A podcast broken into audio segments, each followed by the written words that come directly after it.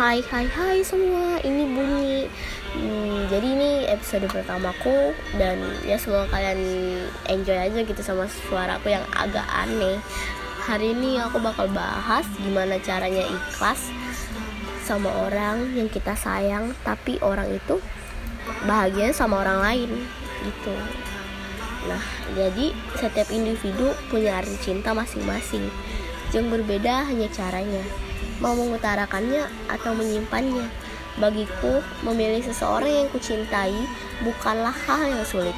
Yang sulit adalah bagaimana menjaganya untuk tetap bahagia bersamaku. Aku pernah belajar dari seseorang yang dulunya lumayan berarti untukku. Katanya, bahagia itu bisa datang dari mana saja. Kalau kita sayang sama orang orang itu, kita pasti selalu mau dia bahagia, walaupun bukan bersama kita. Dan aku percaya, karena yang kurasakan saat itu emang hanya kebahagiaan yang aku mau. Meski bukan padaku, sulit emang, tapi percayalah, memiliki seseorang yang hatinya bukan untuk kita jauh lebih menyakitkan daripada mengikhlaskan orang yang kita cintai untuk orang lain yang bisa membuatnya bahagia.